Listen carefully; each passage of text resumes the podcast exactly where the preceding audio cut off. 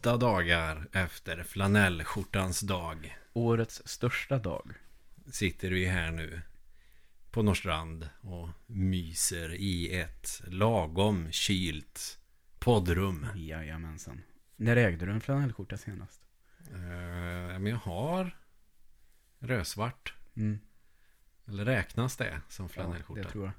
Du vet vem som bär upp flanellskjortor bäst i det här landet va? Mm, nej. En person som har flyttat från stan ganska nyligen. Okej. Vet du vem det är då? Turbo. Ja.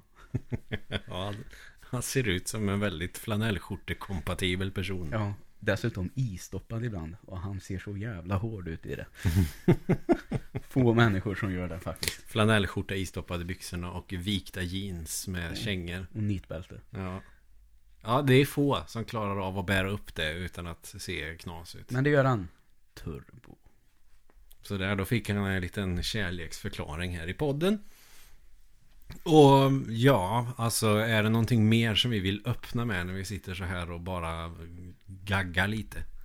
Ja, om vi ska göra som vi har gjort ibland. Att jag kan i alla fall berätta om en film jag har sett. Mm. Som jag såg i helgen. Jag sa i förra podden att jag skulle se den. Jag kollade på Netflix-filmen Bird Box. Mm. Uh, har ju bara hört bra saker om den. Mm. Och den var faktiskt ganska bra. Uh, för att inte säga, alltså, säga att man kan pendla någonstans mellan en 6 och en 7 kanske. På en 10-gradig skala. Uh, så en bra dag när man ser den så skulle jag nog säga att den är precis en 7 Mm. Ehm, gör någonting som jag tycker är ganska bra. Man förstår ju att det är någonting som har hänt. Men man får inte reda på så mycket mer. Och man får aldrig se det här, hur de ser ut, vad det nu är. Mm. Och det är någonting som jag verkligen gillar, att de valde att göra så. För jag har nämligen läst att det finns en sån deleted scene Okej. där monstret eh, slash utomjordingen slash vad det nu är för någonting eh, var med i bild en gång. Mm. Men det stod i artikeln att Sandra Bullock började skratta åt hela situationen för hon tyckte nej det här blir för löjligt. Ja, det kommer förstöra filmen. Och jag är så glad att de tog det beslutet tillsammans att ja det ska vara det här mystiska, att man inte vet vad det är Ja, som alltså om allt annat är bra så vore det väl dumt att förstöra det. Jag tänker på när de gjorde första rovdjuret där. Mm. Så hade de väl också Jean-Claude Van Damme skulle vara något jäkla monster där. Och det var väl rätt fult det är monstret. Ja. Och så ändrar de designen till det som är nu som är jävligt coolt tycker jag. Ja. Och sen är det väl lite så också att eh, man följer ju liksom två tidslinjer. Så man ser lite på när utbrottet skedde och lite längre fram i tiden. Mm. Och eh, när de är instängda i det här huset som är liksom några veckor och så vid efter utbrottet har skett och är det ett gäng olika karaktärer med och det som man kanske kan vara lite kritisk mot Mm. det är att det kanske är lite klyschiga karaktärer. Det är det här eh, paret som finner varandra och blir kära. Det är någon eh, nörd som genast har en teori om ämnet och det är en eh, mamma och det är en grinig gubbe. Alltså det känns nästan lite som eh, min kära vän Johnny Våger sa och som han störde sig på lite mer än vad jag har gjort så. Att det kändes som B-filmskaraktärer och Jag tänk- väldigt klyschiga. Å andra låter som sidan- karaktären i The Thing från 80-talet, den remaken. Ja, det kan man väl säga. Fast den kanske gör det ännu, ännu bättre. Mm. För det tänker man inte på det alls. Här känns de väldigt fasta i sina karaktärer. Okej. Ehm, och det kan man nog kritisera lite. Mm. Men i grund och botten tyckte jag att den var snygg och uh, skådisarna är ju bra. Mm. Särskilt John Malkovich. Gillar jag hans liksom det här gubbgriniga. Och här är det jag som ska bestämma attityd som sen liksom bryts ner. Ja. Eh, så ändå, ja. Klart sevärd. Mm. Och det är Netflix original, precis Ja. som så här direkt till videosläpp ungefär. Precis, och jag har ju pratat lite om det. Eh, Jag ser att nu varje år så eh, lägger ju Netflix bara ner mer och mer pengar på eget material. Mm. Och jag tror att de under året 2019 ska släppa närmare 100 egna filmer. Oj. Eh, Det är ju typ, ja, två i veckan. Eh, låter ju väldigt, väldigt ambitiöst. Men där skulle jag kunna tänka mig att jag ser ibland att det är lite eh, anpassat till olika marknader. Alltså att eh, Europa får vissa. Ja, okej. Och, eh, så jag undrar om det kan vara så. Så att liksom eh, vi här i Sverige kanske inte får alla de här nära hundra filmerna. Nej. Utan eh, de gör ju kanske filmer för den eh, Kina-marknaden, och, eller kanske inte just Kina, det var väl ett dåligt exempel, men Norgemarknaden. och- ja, eh, det kanske vi får, men tänk dig eh, där inte svenska eller engelska är eh, de främsta språken. Mm. Eh, där tror jag att de kan få lite egna filmer så, till exempel. Bollywood i Indien Ja, kanske. ungefär så. Mm. Eh, men ändå så tycker jag att... Då får man eh, köpa sig sånt VPN-program som man Ja, kan bara ändra. Liksom. Precis. Eh, det har jag däremot försökt att göra och jag ser att de kan faktiskt lyckas att blocka ganska många olika VPN idag, så det funkar inte riktigt tyvärr. Det är väl ofta så att man får kö- köpa ett sånt program. Alltså så när man betalar varje Jo, månad. men eh, även så. Okej. Så har jag Fan, sett att på något vis att de kan se att det är en VPN man använder. Mm. Och då kan förstå att ah, den här personen sitter egentligen, vi ser inte var, men det är inte här. Mm. Eh, så att det blir blockat. Så till exempel den VPNen jag använder, det ingår i mitt virusprogram som jag betalar för. Mm. Och det får jag inte, om jag väljer, jag är i USA, så får jag inte amerikanska Netflix. Åh fan. Tråkigt. Ja, det är lite synd. Men, eh, ja, ja.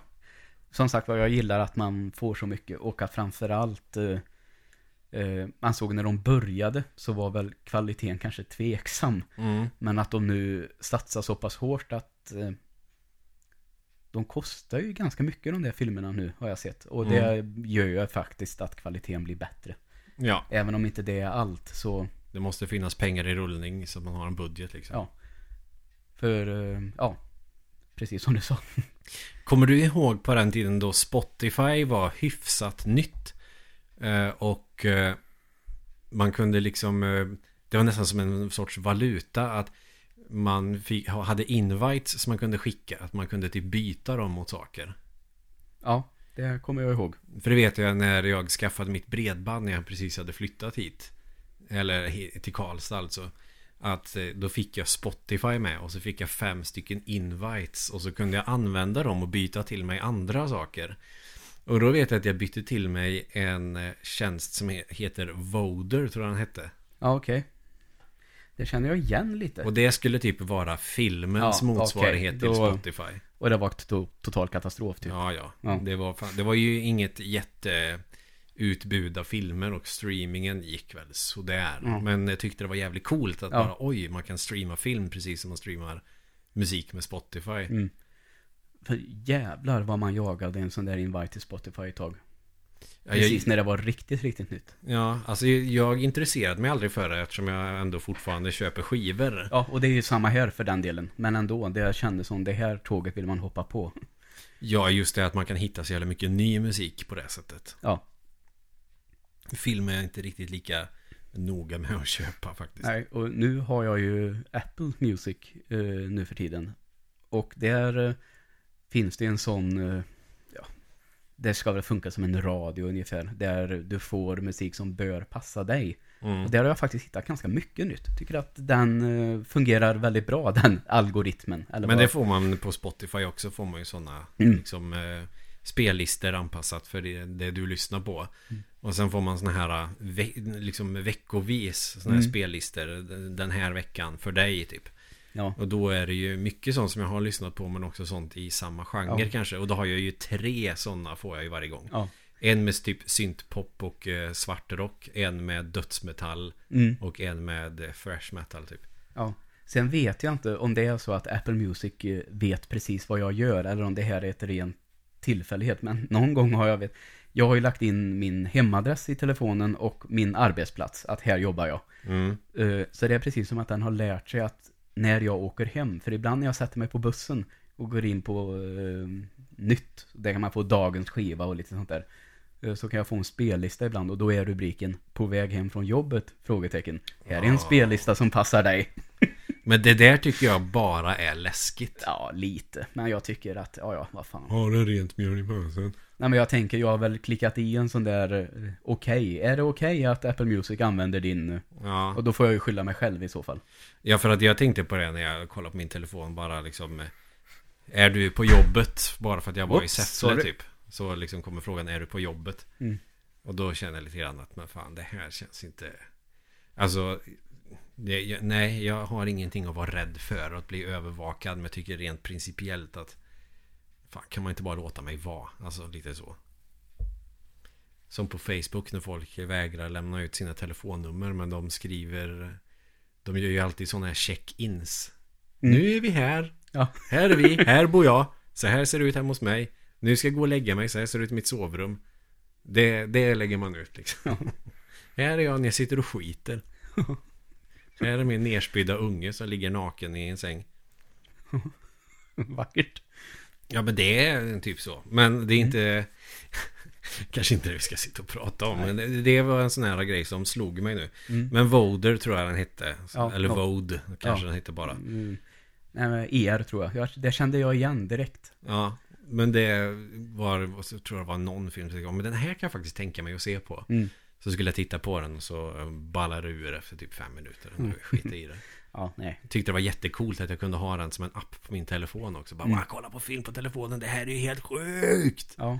De var lite tidiga kanske. Ja, det var när jag hade köpt min första iPhone. Mm. För nu vet jag inte hur länge har Netflix funnits i Sverige nu. För det var ju någonting som jag kände, det här ska jag bara ha. Ja, det skaffade jag typ direkt Mm. tror jag.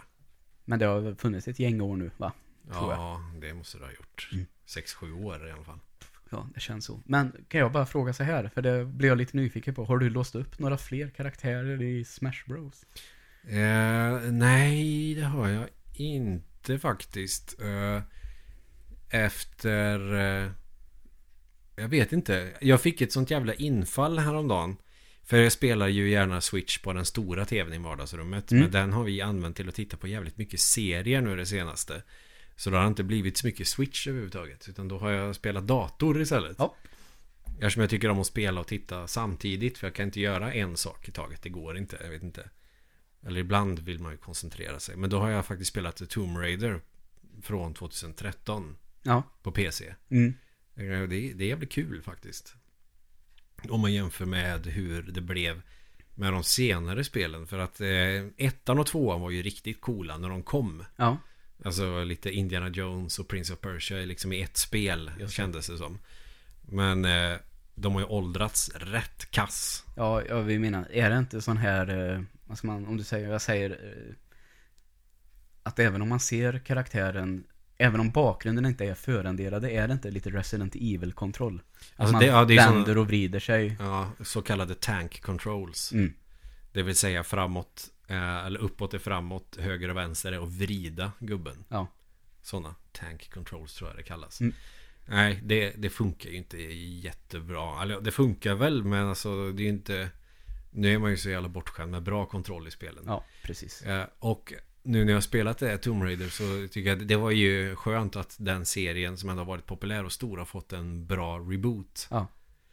Ehm, och där känns ju verkligen när man ändå pratar om kontroller att så som kontrollerna är liksom programmerade i det att det känns som att det är väldigt mycket som känns autopilotaktigt.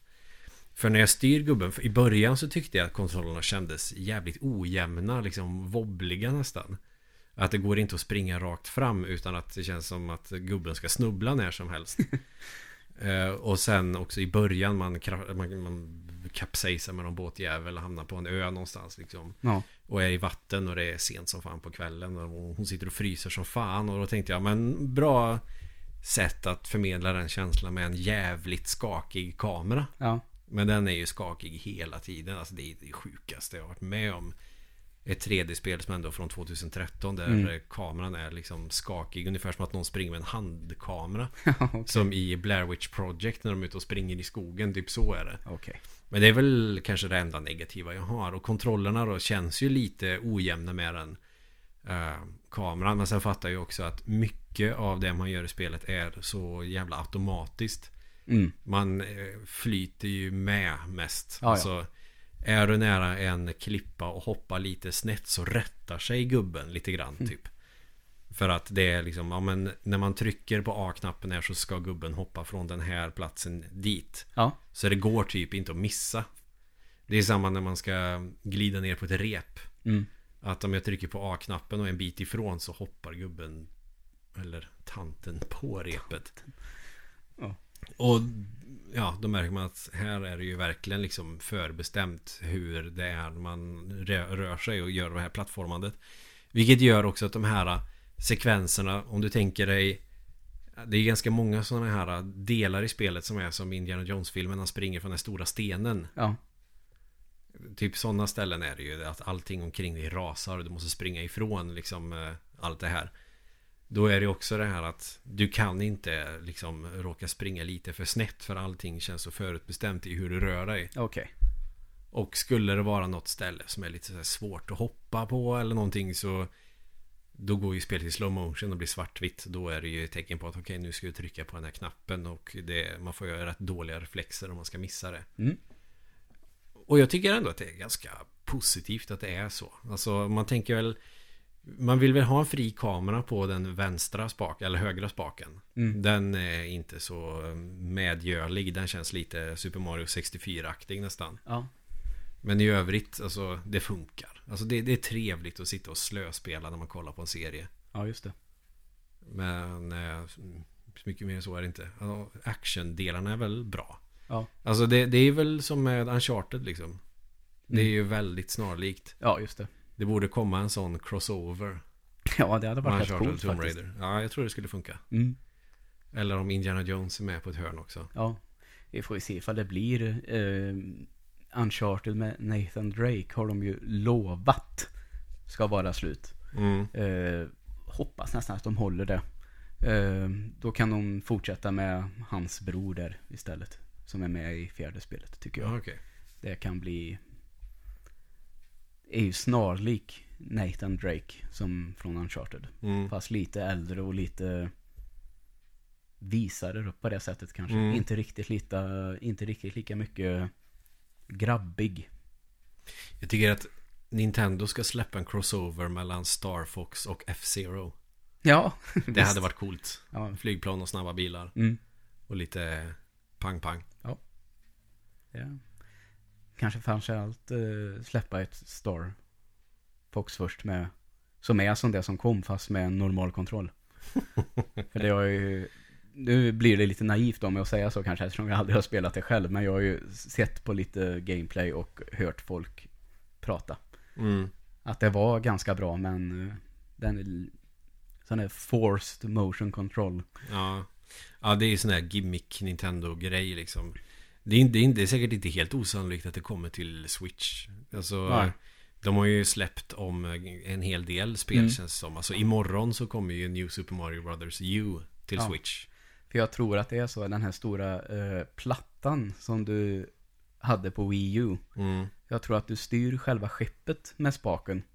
Och siktar Och med... siktar med eh, hela plattan liksom som Ja. du rör upp och ner så här. Och det känns ju lite jobbigt. Ja, annars kan jag tycka att det är kul att sikta på det sättet i spel. Alltså det funkar till exempel i Resident Evil Revelations till eh, Switch. Så kan du, du kan om du vill, du måste inte, men du kan sikta med den.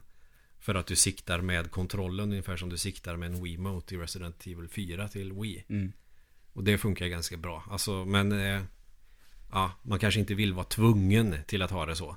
Nej, Speciellt inte om man har spelat det till Super Nintendo och Nintendo 64 innan som absolut inte styr så. Precis. ja, Det, det, det är det vi inleder med. Vi pratade ju lite förra veckan. Ja, lite, vi pratade ganska mycket förra veckan. ja, Men om de här sakerna som har varit bäst 2018 och så hade vi båda en serie ändå som vi tyckte var väldigt värd att prata om. ja. Så då gör vi helt enkelt ett poddavsnitt om ja det. Som vi faktiskt också nämnde när vi eh, hade The Haunting of Hill House högt båda två. Ja, Så sa vi, men då kanske vi ska ta det nästa vecka. Ja. Eller någon annan gång. Men så kände vi väl eftersom vi sa som vi gjorde. Så är det väl lika bra att få det, inte överstökat, men få det gjort. När, när minnet fortfarande är färskt så man inte sitter och ö, ö, ö, ö. Mm. Ett helt avsnitt som vi kan göra ibland. Vilket är kul på sitt sätt Ja, förstås. ja, självklart. Ja, hur inleder man liksom det här? Jag tycker den är bra. Den har några, några ljusa stunder och... Eh. Mm, Det finns en risk för att jag kommer prata om karaktärer. Men det är väl, Även den här. men, men alltså, jo, innan vi börjar så kan jag väl säga så här. Att det kommer bli spoilers. Ja, definitivt. Det går inte att prata om den här utan att spoila. Nej, så är det så att du eh, brukar lyssna på den här podden så kanske du ska hoppa över just det här avsnittet tills du faktiskt har sett hela The. Haunting of Eller så House. får du leva med att det blir spoilers. Ja, Alltså, antingen eller, det är bara att välja. Men eh, ibland har vi sagt att eh, hoppa över några minuter nu, för nu ska vi spoila. Men nu säger vi, nu spoilar vi resten av det här avsnittet då. Så Ja. kan vi väl säga då. Faktiskt. Så det som jag tycker är som gör den här serien så jäkla stark det är att det är många karaktärer. Det är deras relation till varandra som är stora styrkan. Även om det är en skräck och det skräck ska vara i centrum så tycker jag att det ändå är relationen mellan karaktärerna som är det bästa. Ja, absolut.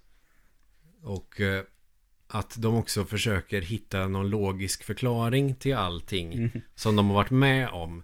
Som dessutom inte känns helt orimlig Nej, i ett inte. filmuniversum i alla fall.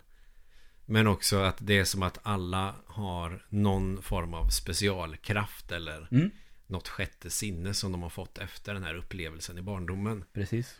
Men att de ändå försöker att förklara det utifrån ett logiskt sätt. Ja, Men även om de är helt övertygade om eh, att det här traumat har gjort dem mer eller mindre psykotiska så kan de ändå inte släppa att det kan inte bara vara det. nej. Medan storebrorsan som blir författare är helt övertygad om att det är bluff och båg. Mm. För att han använder deras historier till att eh, bli en framgångsrik författare. Ja, och skriver om det. Det är som att han skriver boken The Haunting of Hill House, liksom. Ja, Lite, vad säger man, meta, höll jag på att säga. ja det är lite meta. Men det är väl ganska många sådana grejer. Sen är det väl så, eh, det här har jag läst till mig för jag väl också tillägga att Nej, skulle Se- jag aldrig ha sagt. serien och boken skiljer sig så att det är två karaktärer som är helt nya för serien. Eh, vilka det är är väl skitsamma.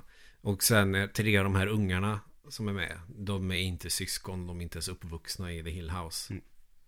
Men i serien så är det så. Och jag tycker att det är bra att det är så. Ja, det är väl eh, ett sånt om man säger Det för dem samman på ett bra sätt. exakt. Och en sån... eh, Ett sån, alltså, en sån ändring som man med lätthet kan leva med, tror jag, om man har läst boken. Ja, det, jag tycker att det, det ger ändå serien en eh, bättre helhet. Mm.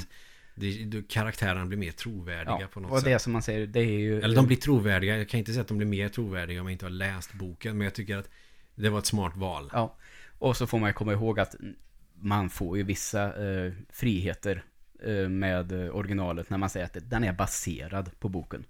Ja. Det betyder inte att man ska följa den slaviskt. Nej. Och ofta så har jag ändå känslan av att när man tar sig konstnärliga friheter så brukar det ändå bli bättre.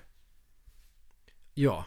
Eller om inte så blir det bra. Om man inte tabbar sig fullkomligt Jag naturligtvis. tycker till exempel att Apocalypse Now är mycket mer intressant än vad Mörkrets hjärta är.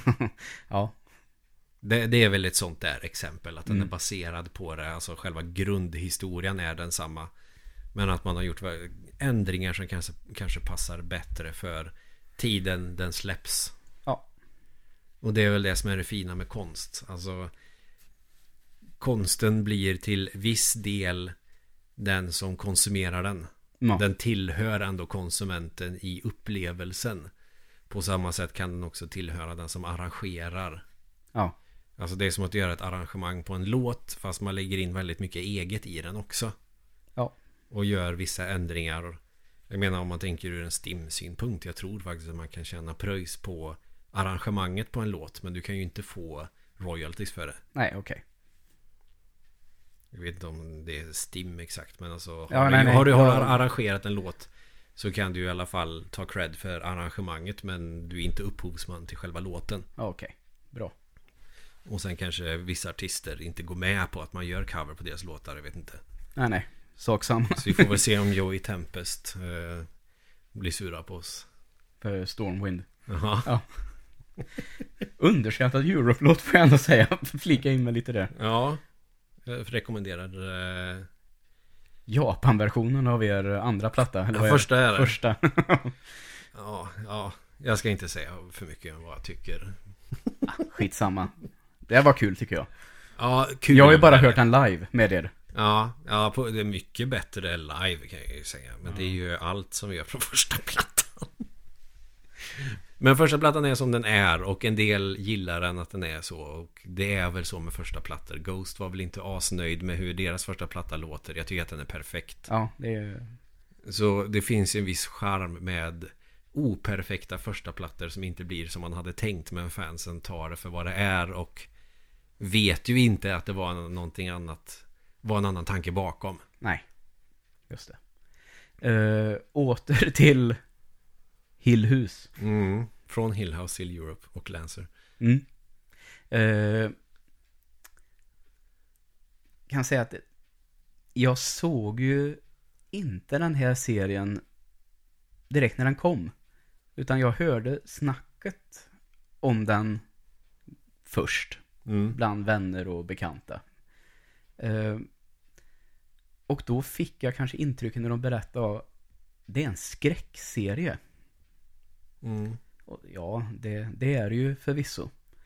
Uh, och när jag har pratat och sen när jag har försökt att rekommendera den själv så har många sagt nej men uh, jag gillar inte skräck, det kommer inte att gå.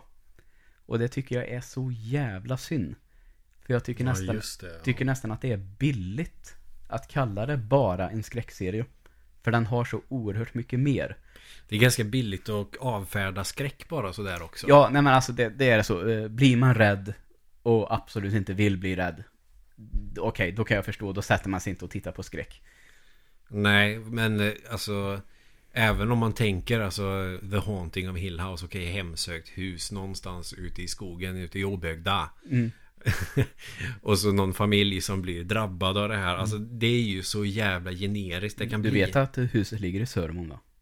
Ja, ja Mm. Jag har varit där flera gånger Ja, så vi åker ju förbi bussen där. Eller, inte du så ofta längre då, men Jag åker bil förbi där ja.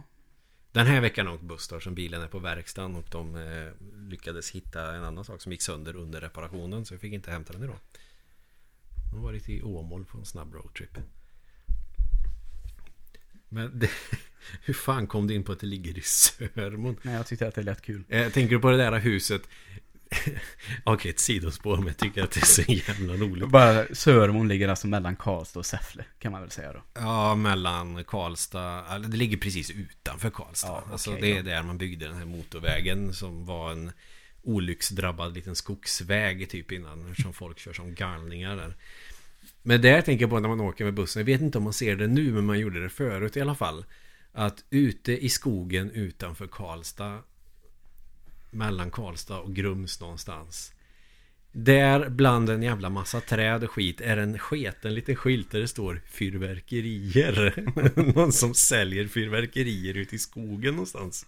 I Värmland. Jag tänker, vad är det för Ja, det är Hillhouse. Ja, vad är det för jävla Jeppe som bara kom och köp fyrverkerier här. Mm. Ja, nu kan han ju inte göra det som det är förbjudet men Men det, det, det är sånt jävla Hur många tror jag som svänger in på den skogsvägen för att åka dit och köpa fyrverkerier? Eller är det så att det är skitmånga som gör det? Antagligen.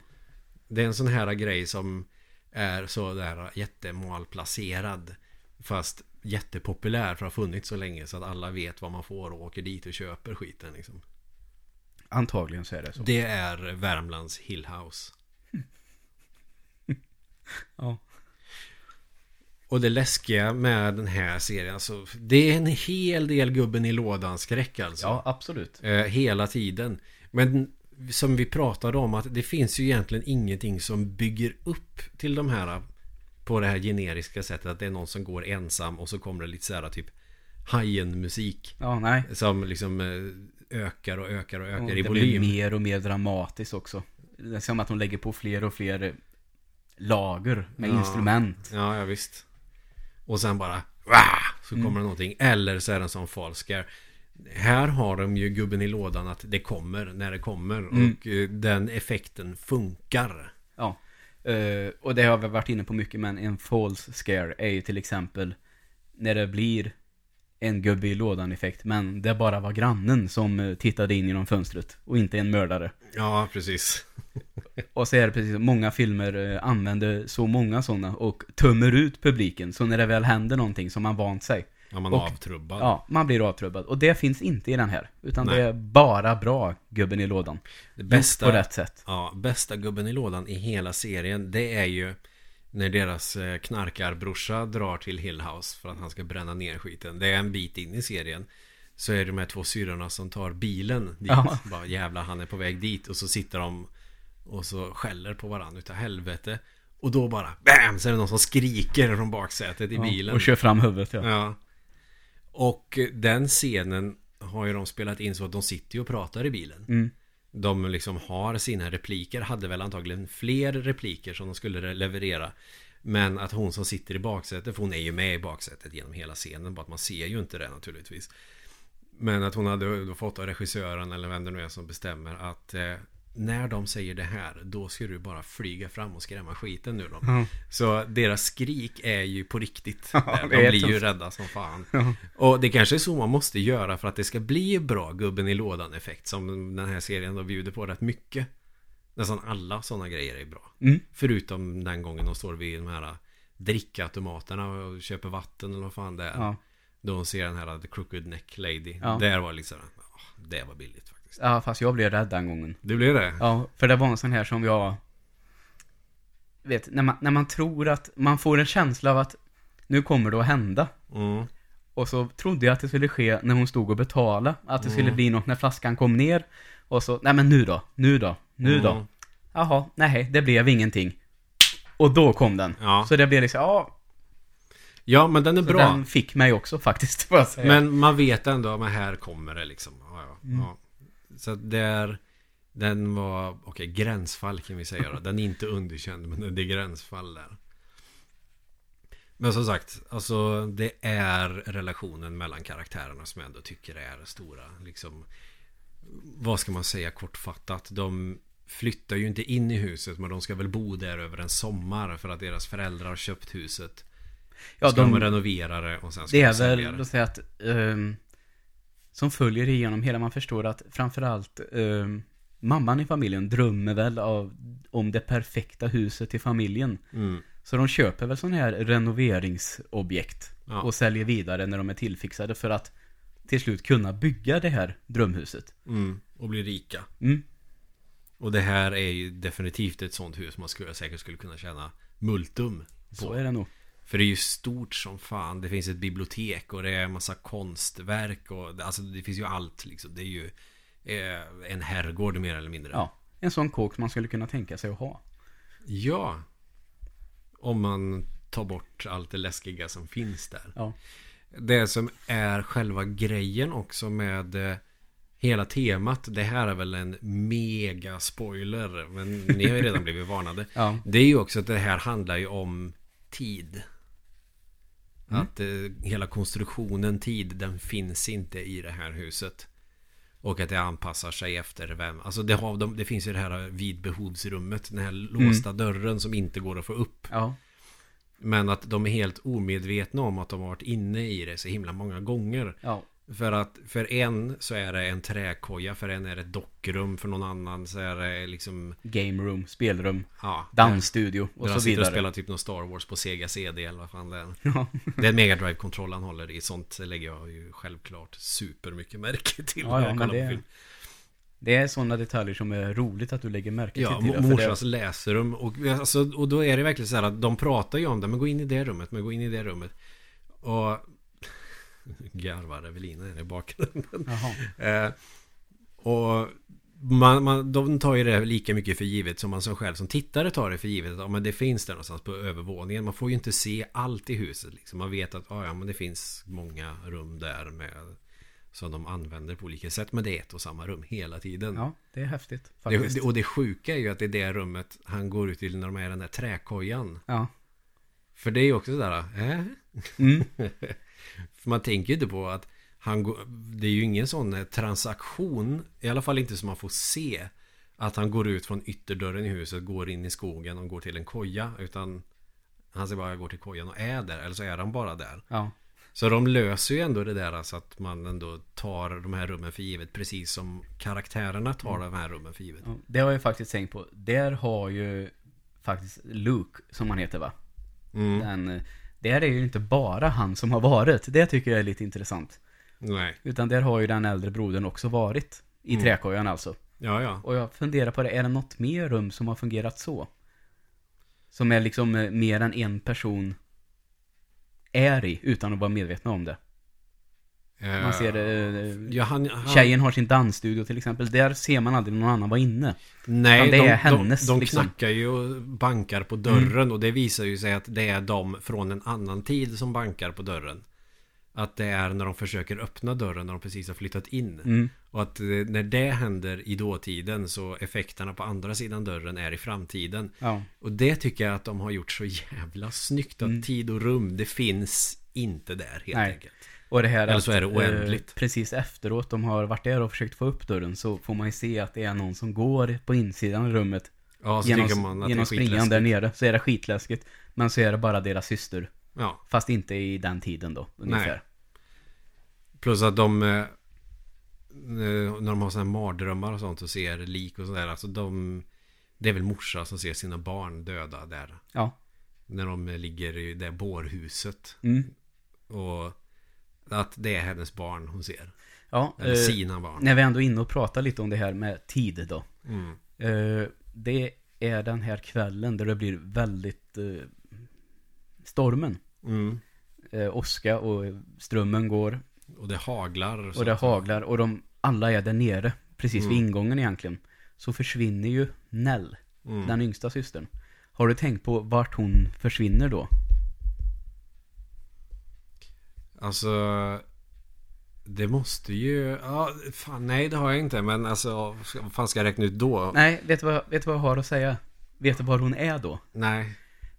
Ja, det är i samma avsnitt som de är på begravningen Mm. för hon hon är vuxen. Sen är det en de, karaktär De som- ser någon som välter ner den här miniatyren och det va? Mm. Och en scen så ligger ju hon som barn i kistan istället. Ja, just det. Så jag antar att det kan vara så att det är en sån tidshoppgrej för just henne. Den Ja. perioden. Hon de- ligger i kistan då. Och då måste hon ju ha sprungit upp till övervåningen. Ja, jag tänker att som du sa, tid existerar inte. Det där löser ju huset. För att det, ja, den teorin tror jag också på. För när de är på begravningen, när de bråkar och så är det väl hon syra med handskarna och pappan när de ser någon springa in i ett rum. Mm. Och de blir såhär, nej, men vi måste gå dit och kolla. Typ sådär. Mm. Eh, Och någon har vält ner den här miniatyrversionen av, något, av huset. Det kan ju vara hon som de ser där då, Ja. som barn. Ungefär så. Men sen säger hon ju också Jag har varit här hela tiden och bara ropat och ropat Men jag har inte varken hört eller sett mig Ja. Och då är ju också frågan Hur kommer det sig? ja, det kan man fråga sig. Men det... Är det då att hon kanske har varit i framtidens Hill House ja, Och hallucinerat som de gör då när de går dit när de är vuxna Ja, kanske. Då är ju det också rätt creepy Mm. Men det är också det som är så kul med den här serien att Det finns ganska mycket tolkningsutrymme Apropå det här jag då sa Så att jag kan knyta ihop säcken att Det blir ju betraktarens konst också Mm. Som pågår i huvudet Precis som det blir en Person som gör en remaster eller någonting baserat på någonting Att det blir egen konst av det Fast det är någonting annat från början Och här blir det våran konst i podden då När vi pratar om den och har lite teorier Mm. Eller om man gör någon fanfilm med Darth Vader Mm. Där man står och viftar med lasersvärdet som en eh, leksak liksom. Ja, eh, bara flika in där då. Eh, YouTube-kanalen Star Wars Theory. Mm. Eh, filmen Vader, Shades of the Past. Ja. Eh, en del snygga effekter. Ja, den var ju välgjord. Ja, men eh, om man kan säga så då, väldigt, väldigt typiskt just fanfilm. Och det kan man ju inte säga annat. Nej. Det, det är så det blir. Ja. Och eh, det som händer i den Mm. fanfilmen, varför händer inte det i filmerna? Ja. Det hade ju varit ganska coolt, men också det här att Nej men så riktigt är det ju inte. Men också eh, 100 000 dollar kostar den. Bara för att sätta lite perspektiv ändå. Den lilla filmen? Mm. Oj. Ja, Hur mycket kostade Kung Fury att göra? eh, det vet jag inte. Eller eh, han fick väl sälja typ allt han ägde och gjorde allt i källaren Mm. i och för sig. Man, Eh, här tror jag dock, om jag har förstått honom rätt, han talar, alltså han som ägaren till YouTube-kanalen då. mm. Det är precis som att han, han inte har tillåtit att säga exakt rakt ut hur det är. Men han säger att eh, Lucas Arts, nej Lucas Film heter de va? Eller vad fan heter Mm, de? Lucasfilm, Lucasarts är ju Ja, spelen. eh, Lucas Art eh, kind of support this movie Mm. eh, with my 100,000 dollar. Okej. Ja, så man fattar att han har väl på något sätt då kanske betalt lite rättigheter för att få använda karaktärerna misstänker jag. Han har fått tjäna hund... Eller okej. Förstår du? Jag menar att Ja. jag får lätt känslan av att visst, eh, jag fick göra den här filmen för LucasArts. Det var inga problem. Men jag var allt tvungen att ha 100 000 också. Ah, okej, han pröjsar 100 000 för att få använda karaktärerna. Ja, eh, Och kanske kunna tjäna pengar själv på mm, att och, folk kollar på och YouTube. naturligtvis sina eh, sk- betalda skådespelare också. Ja. Eh, så en blandning av allt det. Eh, LucasArts skulle väl ha sin... Eh, säger jag fel igen. Sin Skitsamma. beskärda del av kakan. Ja, sin enkelt. beskärda del. Ni får köpa att jag körde fel. Säger fel. det går bra nu. Säga fel när man ska säga att man säger fel. Ja. Men kanske starkaste scenen i hela den här, för att man fattar ju att de var en ganska tight familj när de var små, alltså där på 90-talet. Och efter den här händelsen som egentligen inte framgår riktigt förrän ganska långt senare. Att de har ju glidit isär ganska mycket. Att, jag vet inte om det är så att träffa varandra eh, väcker för många minnen. Liksom sådär. Plus att de är väl lite småputt på deras farsa som vägrar berätta någonting. Ja, och dels eh, är de ju väldigt irriterade, som vi nämnde tidigare, den här bron som har tjänat... Man får i helvete. Brorsan. Ja, inte bron. Den här brodern. Brorn. Ja, missat det där. Eh, som har tjänat pengar på att skriva om familjens eh, liv. Ja, Finns det ju också en ganska stor irritation mot. ja, det kan man väl säga. Den Och- bubblar ju liksom. Mm. Och så har vi bron som har blivit, eh, har fått problem med droger. Ja, Som också kanske är något som de till en början inte vill kännas vid på något sätt. lite skamligt plus att han Mm. har ju snott grejer och gjort Ja. inbrott hos dem och sådär. För eh, trots allt så får man ändå säga att han försöker ju trots allt att bättra sig. Ja, men Eh. det är nog den karaktären jag känner starkast för i hela serien. Mm. Ja, särskilt... Eller det är tvillingarna. Ja, precis. Jag skulle säga så. Tvillingarna, eh, Luke och Nelly. Mm. Nell. Eh, som jag tycker... eh, Man brukar ibland prata om, nu har jag ju ingen tvilling så jag vet inte, men man hör ju ofta att eh, tvillingar kan ha ett speciellt band. Vet du, hitta på egna språk och de säger att vi kan känna precis hur vi... Hur den andra mår hela tiden och sådär. Det, det är ju, anspelar de väl lite på. Mm. De känns ju väldigt, väldigt tajta. Och även som vuxna så hjälper ju hon honom att köpa knark Ja. innan han ska in på avgiftning. Ehm, så det känns... De betyder mycket för varandra. Mm. Och det är därför de är mina favoriter tror jag. ja, och sen så dör ju hon också. Och Mm. han blir väl helt förstörd liksom. Ja, och där har vi väl återigen då seriens andra stora plot twist kan man väl säga. Ja, det är Även- den som sätter igång hela tjottaballongen Ja. mer eller mindre. Det är att eh, Nell när hon är barn är hemsökt av den här Crooked Neck, är det va? Ja. Crooked Neck Lady. eh, som skrämmer henne flera gånger. Mm. Men det visar sig så småningom att det är ju hon själv. Ja, för att hon eh, står ju där alltså eh, vid det här räcket. Ja, Tänker sån här trappa som i Resident Evil. Det är ju en sån och så är En det klassisk övervåningen. spiraltrappa. Ja, och så i, på övervåningen. Ja, det är spiral. Det är visst spiraltrappan kanske. Som, ja det tror jag. Jaha, jag trodde det var där i, an, vid entrén i den stora salen. Som, Nej, jag har, nu vet jag, men jag har för mig att det filmas att hon går upp så här. Så Ja. jag tror det. Ja, det var lite rörigt där ibland så jag Mm. fattar inte var som, vad som var var. En sån eh, eh, spiraltrappa som fanns, eller finns på Fifflers i Lidköping där man kan köpa goda mackor. Och där min eh, mattelärare Anders en gång gick i den och tappade sin kaffekopp typ 98 grader varmt över armen. Han hade så här stora brännmärken och bandagerat eh, sen på måndagen där när vi hade idrott. Var det så illa att de fick ta hud från hans röv och sätta fast? Nej, riktigt så illa var det inte. Men det var eh, en eh, lättare brännskada. Ja, okej. Så det var lite så här fläckiga är. För att Jag skrek som besatt, sa han. För hon, jag vet inte, hon känner väl att hon måste till det huset för att eh, typ ta itu med saker Mm. eller på något sätt. Och kommer dit, alltså det är ju helt nedgånget och mörkt och eh, mögligt liksom. Men när hon kommer dit, hon ser ju allt, allting. Ja. Och hennes morsa kommer dit och allting hela familjen är där och det är liksom, det är ju så himla fint. Och sen så ser man också att hon klipper till att hon Du kan ju inte visa bild på honom nu när jag sitter och pratar. Jo, det fick jag göra nu. Jag var tvungen att göra det. Men hur hon dansar runt där med sin man som dör. Mm. Oförklarligt. Och eh, så ser man också att de ändrar att egentligen så är hon bara i ett mörkt tomt hus och dansar för sig själv. Mm. Eh, och sen helt plötsligt så står hon på det här räcket med en snara runt halsen. Och hoppar. Ja.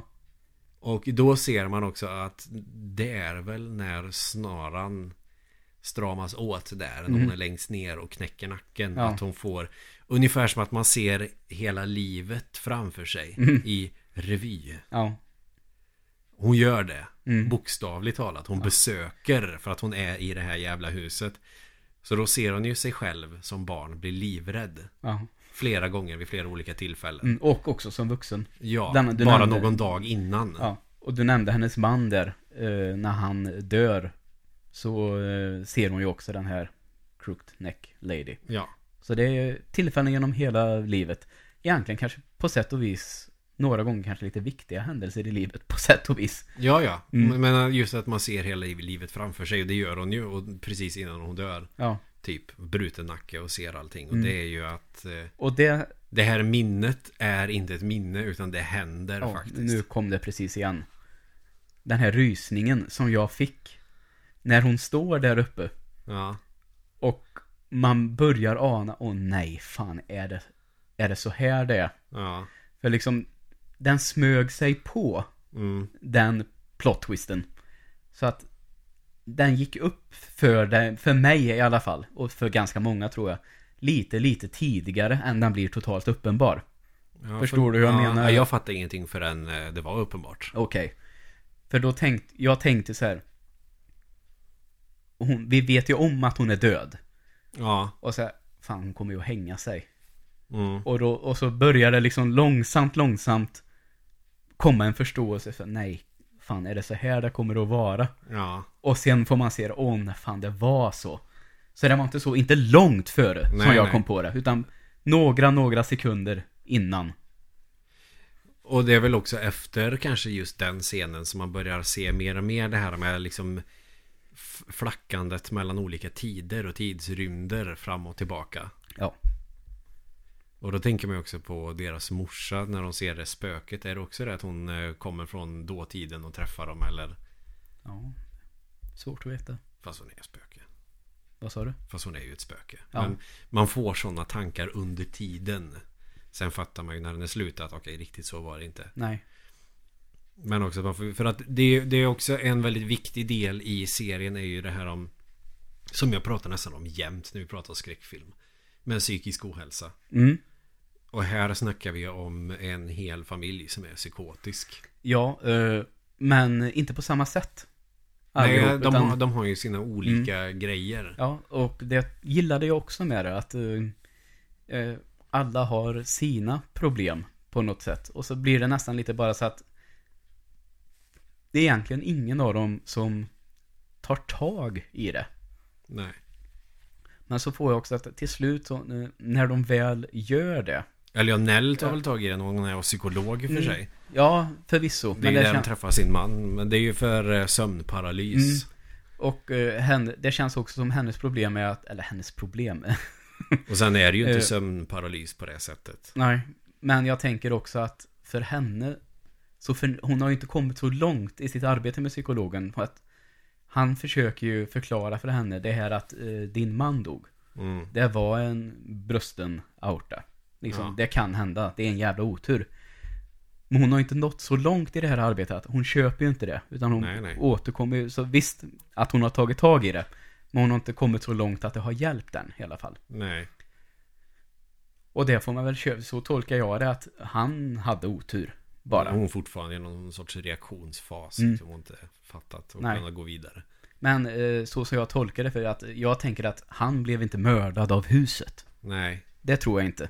Inte min tolkning i alla fall, utan det var bara en sån tillfällighet. Nej, man ska väl tro det eftersom hon ser The Crooked Neck Mm. Lady. Men det är ju för att det är ju, visar sig, det är ju hon. Ja, Det är ju inget som förföljer henne eller inget som är ute efter att skada henne eller någon annan. nej. Eh, Men precis, det var bra att du sa det, för det var det jag skulle säga också. Eh, Att eh, man ska tro det. Mm. Och det är väl nästan lite det som genomsyrar hela den här serien, så jag tänker på också. Man kan väl säga att spökena, de finns. Mm. Men på vilket sätt är det de egentligen finns? För man ser, när de väl har tagit tag i sina problem, där de har allihop, så blir det ju samtidigt bättre. Mm. Så då är det som att då låter spökena dem vara i fred på något sätt. Så det blir lite så här dubbelbottnat, ja, finns de egentligen? Eller Alltså, är det här ändå- är ju verkligen en bokstavlig tolkning av ordet hjärnspöken. Mm, Liksom. mm, Att de ändå på något sätt eh, ja, Är de svaka psy- psykiskt så kommer demonerna och då är det liksom bokstavliga demoner. ja, Och mår de bättre så trängs de undan typ. mm, Eller att eh, ju mer de kommer överens eller får förståelse för vad det är som händer och börjar eh, kanske bli mer sammansvetsade så kan de också tackla problemen. mm, Som i, till syvende och sist handlar om liksom psykisk ohälsa som yttrar sig på olika sätt hos de här karaktärerna. Och det är ju det storebrorsan hela tiden försöker att yrka på. Man fattar inte att det är Det är våra huvuden det här. Alltså vi är sjuka. ja, Och han har ju till och med steriliserat sig för han fattar ju att det går i arv. Att deras morsa kukade ur.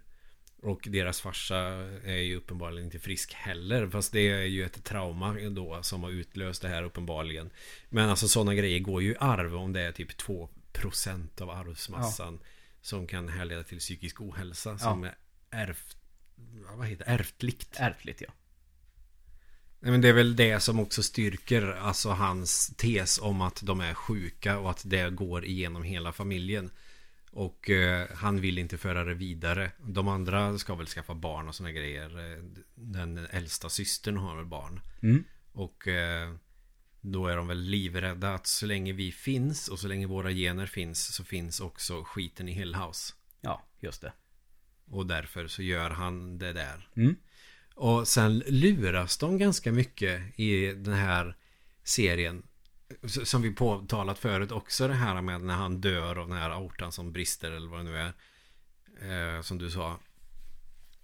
Det är ju i början på ett avsnitt för när Luke går in i Hillhouse och försöker tända eld på det. Och han eh, ligger med, med en överdos. Han har ju en kanyl i armen. ja, Och eh, när de försöker rädda honom. mm, Så helt plötsligt, för att de hoppar ju fram och tillbaka som fan i tid i den serien. I början så hängde jag inte med för fem öre på grund av det.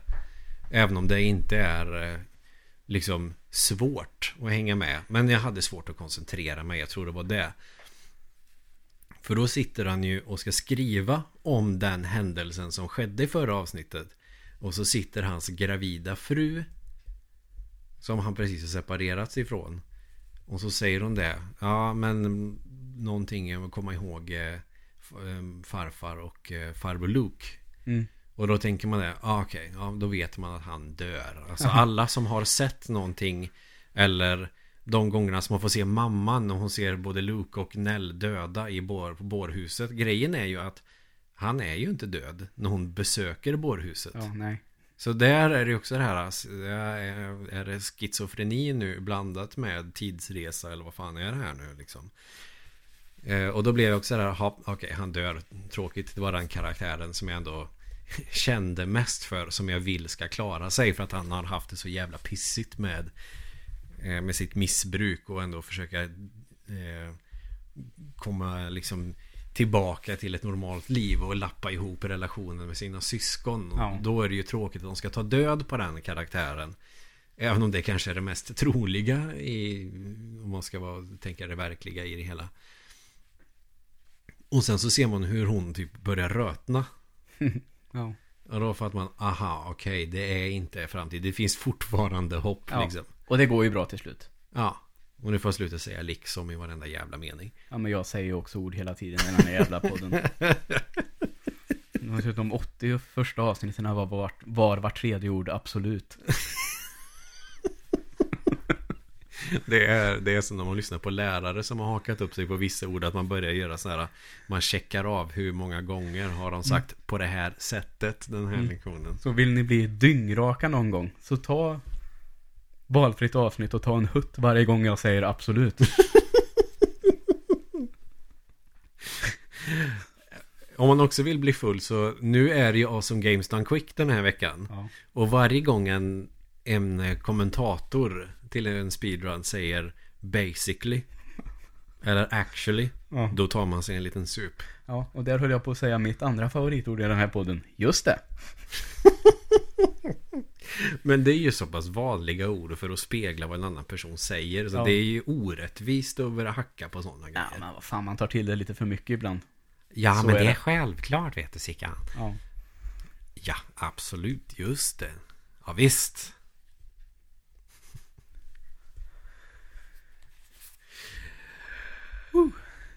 Ja. Ett djupt andetag för att inte säga någonting jag inte ska säga. Men man blir väldigt vilseledd i den här serien. Så att man kan inte riktigt, man tänker ah, ja, ja det är klart att det är så det är. Ja men så här är det. Nej. Nej. Och plot-twisten känns ju, alltså det är många plot-twists. Men plot-twisten är ingen chock på något sätt i den här serien. Ja, nej. De kommer gradvis så att man ändå hänger med och inte är beredd på det. Man kan glida med och ändå känna Ja, okej okay. Och fan mm. Det är ju så eh, tio väldigt väl utförda och eh, Nu blir jag så länge att jag inte vet riktigt vad som passar i det svenska ordet men att man säger att eh, serien har en bra pace, alltså ett bra tempo. Ett bra flyt. Ett bra flyt, fast det ändå inte riktigt känns riktigt samma, exakt, på något sätt. Nej. ett bra flyt säger vi ändå då. Ja. Att, um, det som sa att tyckte du att den var lite svår att hänga med i i början. Mm. Uh, så kan jag förstå vad du menar. För jag tänkte ungefär för hela första avsnittet egentligen så att jag funderade, mm, det här blir nog okej. Okay. Ja, det Men, var så jag tänkte eh, också. Så får man reda på att Nell eh, är död redan där i början. Mm. Och när hon besöker äldsta brorsan där i lägenheten och när man ser att hon är död det blev på någon sån här sätt det som lyfte ja. till en nästa nivå som den sen håller säsongen ut. Ja, när hon så här långsamt börjar skrika. När hon mm. är så här, man ser att eh, huden får en annan ton och ögonen blir så här mjölkiga, vita liksom. Då, ja, det var också där som jag kände att Aha, nu händer det någonting. Mm. Okej, men nu får jag nog fan vara med liksom. Ja. Nu får hänga med. Uh, annars är ju min, uh, vi kan säga, de sitter nästan ihop de här lite. Mina två favoritavsnitt, det är den när man får reda på att Nell är uh, den här damen som har skrämt henne. Mm. Och efterföljande avsnitt med likvakan. Det, det tycker jag är klart bäst. Ja, så jag, ty jag tycker det känns det som de sitter ihop så pass. Så jag har så oerhört svårt att välja vilket jag tycker är favoriten. Ja, men den här eh, trasiga, chockade, dysfunktionella liksom, återsamlingen. Liksom, alltså nu får ni ta en sup. mm, absolut. och, och de super och är sura på varandra för att de mår ju piss. Och Jävla mycket ångest i det där rummet. Alltså. Måste vara utåtagerande på något sätt. Mm. Inte att de stöttar varandra. Det är inte det de gör för att liksom visa känslor och få utlopp för någonting eller för att lindra sorgen. Utan de börjar skälla på varandra. Ja. Och det är jävligt starkt. Ja. Men det är inte den typen av ångest att man sitter och vrider sig i soffan. Det är inte hereditary ångest. Nej. Men, Men det är omöjligt att slita blicken från tvn i alla fall. Så ja. kan man ju säga. Och där är det också, om du går tillbaka och tittar på den serien en gång till. Så ser du att den är nästan inte klippt en enda gång. Men det är väl, hela det avsnittet har väl flera sådana att de inte klipper Mm. Långa någonting. tagningar, som man Ja. brukar säga. Alltså, Eh, ex- kameran istället sveper genom rummet, så istället Ja. för att klippa så går den bara vidare till nästa par som pratar till exempel. mm, Och det är oerhört effektfullt. det tror jag, efter att ha tittat lite, jag tror att det är fem sådana scener i det avsnittet. Mm. Med sådana långa. Väldigt mycket. Och, Det är eh, jävligt starkt gjort. Ja, och som jag gillar eh, Man kunde lösa sånt där förr i tiden. Nu kommer jag inte ihåg vilken Hitchcock-film det är. Eh, Och då får man tänka att det här är ju långt, långt före den digitala. När han ville göra en hel film Utan att den är klippt. Som en pjäs nästan. Som en pjäs nästan, ja. Men eftersom det är just en Vad säger man Analog, just en film En Mm. fysisk film Så tar ju den slut någon gång Ja, ja. men hur han har löst det så, till exempel, för att det inte ska synas att det byts. Så går han till exempel, eh, låter han kameran gå upp bakom ryggen på någon. Och där är det bytt då. Men så klipper han ju bara ihop dem sen. Mm. Så det märks ju nästan inte. Men man förstår ju att han tar ju till sådana saker att, eller till exempel kameran går mot en enfärgad vägg. Så här, långsamt fram Mm. och sen tillbaka. Då förstår man att, ja, här är filmen bytt. Men det får inte den känslan. Jag önskar att man jobbade lite mer så Varje ibland. film, filmrulle ska vara helt oklippt. Man ska bara sätta ihop filmen där den slutar med Mm. nästa film där den börjar. Ja, nu kommer jag ju fan inte ihåg vad filmen heter. Men det, Ja. det får ni ta. Vi, vi får väl ett meddelande eller så ropar Evelina från den sidan väggen. Mm. Eller så säger hon det om hon lyssnar på avsnittet sen i efterhand. Jag Mm. vet inte. Men det är, den, ja, det är den absolut starkaste scenen. Och att det ändå de lyckas få det att kuka ur där också. Och där vet jag också att jag blev genuint besviken när de är- märker att Luke är borta och att han har snott ett kreditkort och en bil. Ja, just det. Och de tänker att fan också att, För det är ju inte Helt osannolikt att en narkoman Nu är inte jag narkoman själv och jag känner ingen så vitt jag vet Men Det är väl Eh, ändå Det är, nu jag var tvungen att kolla. Det är filmen Rope. Okej Jag tänker på. Den har jag inte sett Mm. Men att han drar Alltså ja han mår piss Och eh, är en narkoman Alltså för att Det som har hänt honom när han var yngre För att apropå det här med psykisk ohälsa tar sig uttryck på olika sätt Alltså missbruk är ju ett symptom på psykisk ohälsa Mm. Att man missbrukar alkohol eller starkare droger För att självmedicinera För att må bättre Ja, Så det är ju också eh, Hans psykiska ohälsa När de andra kanske har Psykoser, ser saker Det gör ju han också Men han har också drogat. Det är ju också typiskt liksom Symptom Ja, på att man mår skit Att Mm. man börjar missbruka Då är det ju inte helt osannolikt att tänka sig att när han har förlorat sin tvilling Att han får ett Att han måste ha ett återfall ja just det. och det är väl det de andra tänker också. Fan också när han har gjort det igen. Han har snott kreditkortet, han har snott en bil. Fast han egentligen drar för att bränna det där jävla huset. För att det tog livet av hans syster. De Ja. andra är helt övertygade om att huset har övernaturliga krafter. mm. Medan storebrodern försöker på något sätt rationalisera. Men nej, det kan inte vara så. Vi är sjuka. ja. Och då är det väl där igen att båda två har rätt. Kan man väl säga då. Ja, han, han eh, har ju uppenbarligen sett saker. Men han förnekar det ju. Ja. Så, Ja, han har sett Nell till exempel. ja. Det kan han ju inte förklara, men det håller han väl tyst om å andra Ja, sidan. men sen har han säkert massa bortträngda minnen. För att han tänker att ja, Dels trauma, så man tränger ju bort saker och då glömmer man dem. De finns säkert någonstans men man kan ju tränga bort saker. Så att det bara är ett svart hål. Ja. Och han får väl kanske tillbaka lite minnen eller han inser sen till slut att nej fan det kan inte vara det. För att de ser ju samma saker. Ja. Och det finns väl de som blir psykotiska av andra som är psykotiska och upplever sig se samma saker. Mm. Jag tänker fan på eh, Don Quijote till exempel. Ja. Sancho Panza blir ju också psykotisk efter ett tag för att han har hängt för mycket med honom. ja, väderkvarnar och allt och det, det är ju, är. det är ju sådana grejer som kan hända faktiskt. Jag vet inte om man upplever exakt samma psykos men att eh, man påverkas av den andra så mycket att man själv börjar se det liksom. Ja, nu får ni ta en sup. Ja. Det kanske vi ska skriva i eh, som information till det här avsnittet. Varje gång Joel säger absolut eller varje gång Emil säger liksom då får ni ta er en sup. Ja. Det Så kommer ni bli garanterat tankade. Kan man ju säga. Ja, det tror jag definitivt. Så hela den scenen. Där är ju. är det där man kan säga att det blir någon form, ja, kanske inte klimax, men vi börjar närma oss klimax Ja, nej men det i, tycker jag definitivt att man kan den säga. dramaturgiska kurvan Ja, där och jag- att eh, själva reningen kommer sen när Ja, de är i eh, huset. Det var bra sagt tycker jag. Inte att han bör... Vi kan säga att där når serien sitt klimax. Ja. Och vändningen sker katarsis eller vad fan det är det brukar kallas. Ja, så heter det. Ja, så säger vi. Det är det. Och ändå är det jävligt mycket som händer när de kommer till huset. Men då får man också mer förklaringar och det blir mer flashbacks och fokus på deras mamma. Varför hon typ blir galen. Ja.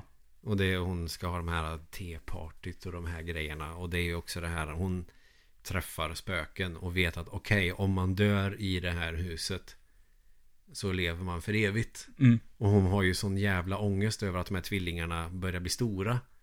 Och ja, vill inte bli övergiven och sådär. Och så ballar ur och så tänker hon att om jag dödar de här barnen så kommer de att stanna med mig här för alltid. Ja. Det är jävligt mörkt. Om jag förgiftar dem med råttgift. Ja. Och det är ju hemskt. Och sen så får man ju också se då att det är ingenting hon bara får för sig heller. Utan hon träffar ju den här kvinnan som är, har varit död i det här huset hur länge som helst. Som tutar i henne en massa saker. Så att eh, hon måste göra det. Mm. Och likadant, om vi ska ta en sån här liten vändning till då. Den här andra eh, lilla flickan. Mm. Som man hela tiden har trott nästan är ett spöke. Ja, det trodde jag också. Han Ja. hittar den i skogen. Ja. Att det är en låtsaskompis, en Molgan han har Mm. först.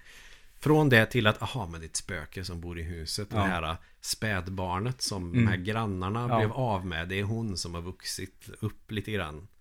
Nej, det är deras andra barn. Ja, men för att de blev ju av, han berättar ju det när han Mm. ska fixa möglet i källaren. Ja, ja. När de hittar det här liket som har murat in sig själv och Mm. klöst sönder fingrarna. Åh, jag får rysningar jag tänker på det med att klösa sönder sina egna fingrar. Att de hade ett barn som dog. Mm. Ja. Men att de kan fortfarande höra skriket. Jag trodde ju att det var det barnet som var den här flickan som Ja. eh, Luke var kompis med. Att hon hade på något sätt vuxit upp. Mm. Eh, sen fattade jag ju att men ingen åldras i det huset. När de Nej. är spöken. Så då kan det inte vara. Utan det är deras andra barn. Som de bara håller hemma. Som Ja. smyger ut i skogen. Precis. Jaha. Och då är det också det att man, man blir så jävla lurad och tankarna liksom flyger åt alla möjliga håll. För man vill ju ändå hitta logiken. Det är ju så vi funkar. Vi vill hitta någon logik. Vi vill ha, vi vill ha förutsägbarhet. Vi vill förstå det.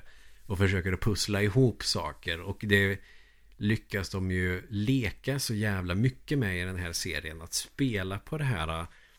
För det är ju så, det är ju svårt att göra filmer idag när det finns så många olika filmer med olika plot twists och man ska försöka räkna ut saker. Man blir nästan som en deckare för att försöka pussla ihop alla händelser med någonting. Och sen då när det visar sig att när hon dricker det här jävla råttgiftet och eh, dör. Va, okej. Det är inget spöke som får smaka råttgift utan det är ett barn. Ja. Och den, ser, den scenen man får se liksom de börjar tugga fradga och det här och eh, dör.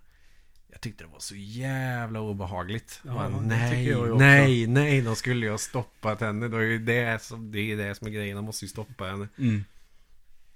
Döda det här stackars barnet. Ja. Sen är det ju faktiskt den här familjen, de heter väl Dudley. Det är väl de som äger, eller äger marken va? Och de har bott där tidigare. Ja, de har ju Eh, varit tjänstefolk ja, de där. är ju också nu landlord, heter det väl. Hyresvärd. Ja. Och att eh, precis det sista också, nästan exakt i slutet, att han går dit med sin döende fru genom skogen. Ja. För att hon ska få dö i huset, det tycker jag är jävligt fint alltså. Ja, för det är det också som allting ändå, apropå det här med katarsis, för att allting blir ju så fint och mysigt och gosigt och snällt efter allt vidrigt när de har de här mardrömmarna. Mm. För det är ju det när han, som till exempel när han sitter med sin gravida fru och hon börjar ruttna, det är ju drömmar som börjar fint men går över till någonting för jävligt. Ja. Jag har sett det i något annat sammanhang i någon annan film att det är så. Nej, det är Sabrina-serien som det är en sån grej som okej. händer. Att de drömmer en dröm om någonting som är fantastiskt som kukar ur. Det blir ju lite så i den här serien också. Mm. Och sen så ska de vakna upp. Och det är samma när han ligger där och eh, dör av sin överdos. Att han är också mitt uppe i en mardröm. Och han måste bli väckt annars så dör han av den ungefär. Ja. Och så kommer deras farsa och räddar allting och sen För han går ju med sin fru hela tiden Mm. Och där är det ju också det. Är det hon som spökar för honom hela tiden? Att hon kan lämna huset och vara med honom hela tiden? Och det är därför han aldrig har gift om sig eller klarar av att vara ensam. För hon är ändå alltid med honom. Hon Ja. är alltid ung och snygg. Mm. Medan han blir äldre.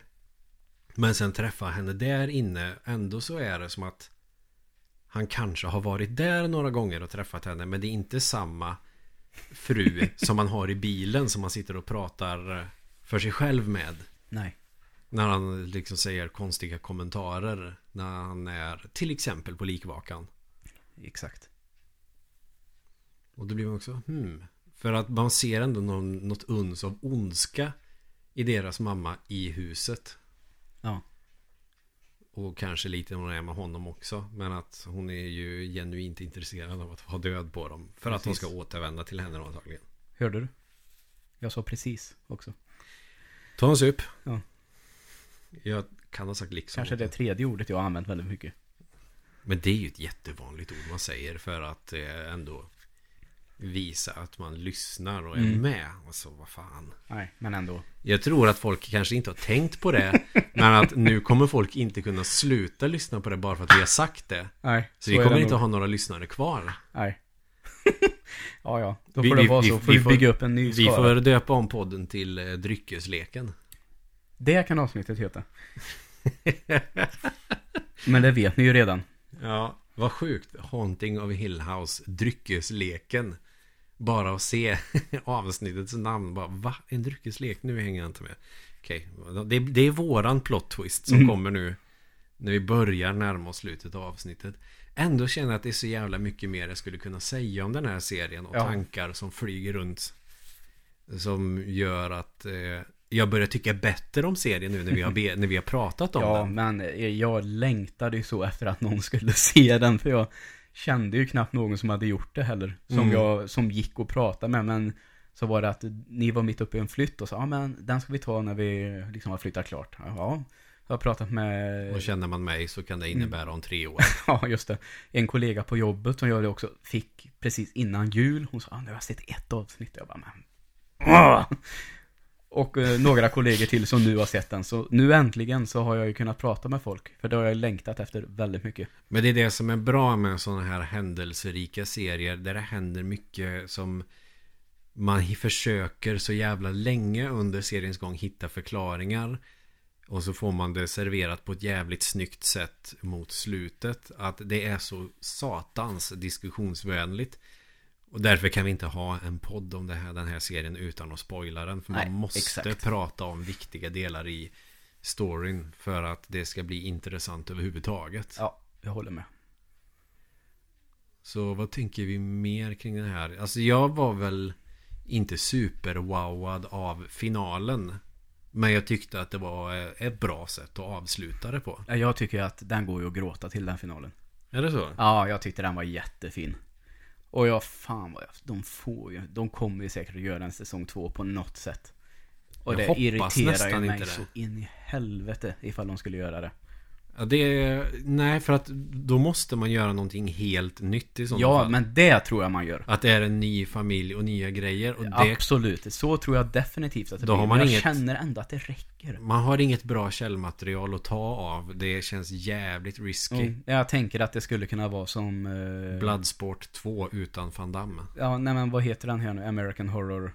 American Horror Story. Ja, att, eh, för att ta bort att de återanvänder skådisar då. Men Mm. att det liksom är något, för det mesta nytt. Ja. Sen har jag väl hört talas om, jag har inte sett så många säsonger, men att det kanske knyts ihop lite till viss del har jag väl hört talas om. Ja, det är men, väldigt lite tycker jag. Jag Ja, har ju okej. sett alla säsonger fram till Cult. mm, Som jag tyckte var rätt kass faktiskt. Det var inte ett dugg läskigt och kändes inte... Jag vet inte, man ska väl få Jonestown-vibbar men det fick jag fan inte. nej, okej. Det var jag. Ja, det kändes lite som Flashback-troll. Eh, Jag vill också ändå påpeka att man ska inte dra alla Flashback-användare över en kam. Eh, Okej, jag släpper Flashback. Flashback, det finns jävligt mycket bra där också. Jag gillar Flashback. Men inte knarkarna, pedofilerna och nazisterna. Utan det som är kul att läsa för underhållningens skull. Att folk är lite knas. Och så finns det vettiga människor. Men internettroll Ja, som är eh, de är som internettroll på nätet fast IRL. Det är typ kallt med American Horror Story. Okej. Alltså de här nihilistiska 4chan-människor. Fast eh, typ på riktigt. Ja, ja. Och okej. bara den tanken är ju såklart skitläskig. Om att hade de här människorna varit lika organiserade IRL och varit så hatiska som de är på nätet. Ja, det är klart att det hade ju varit en total katastrof. Mm. Men de försöker göra det på något snyggt sätt och typ det läskigaste i hela American Horror Story Cult det är att Trump vinner valet ungefär. Ja, ja, okej. Eh, men börjar det bli dags att knyta ihop nu kanske? Ja, Jag nu, tror vi har sagt det mesta ja, som jag vi tror, vill säga. tror jag fått med det viktigaste. Nu känner jag mest att det blir gripa efter halmstrån diskussion som vi kan ta på ka- till kaffet imorgon bitti istället. Ja. Så att, eh, är det någonting mer vi vill säga innan vi avslutar det här? Nej, faktiskt inte. Mer än att tacka för att ni har lyssnat en gång till. Mm. Och att eh, sprid ordet om ni inte redan har gjort det. Ja. Så ja, sociala medier, det kan ni hela jävla tjottaballongen. Vi säger godnatt eller god Godnatt. morgon. Hej då.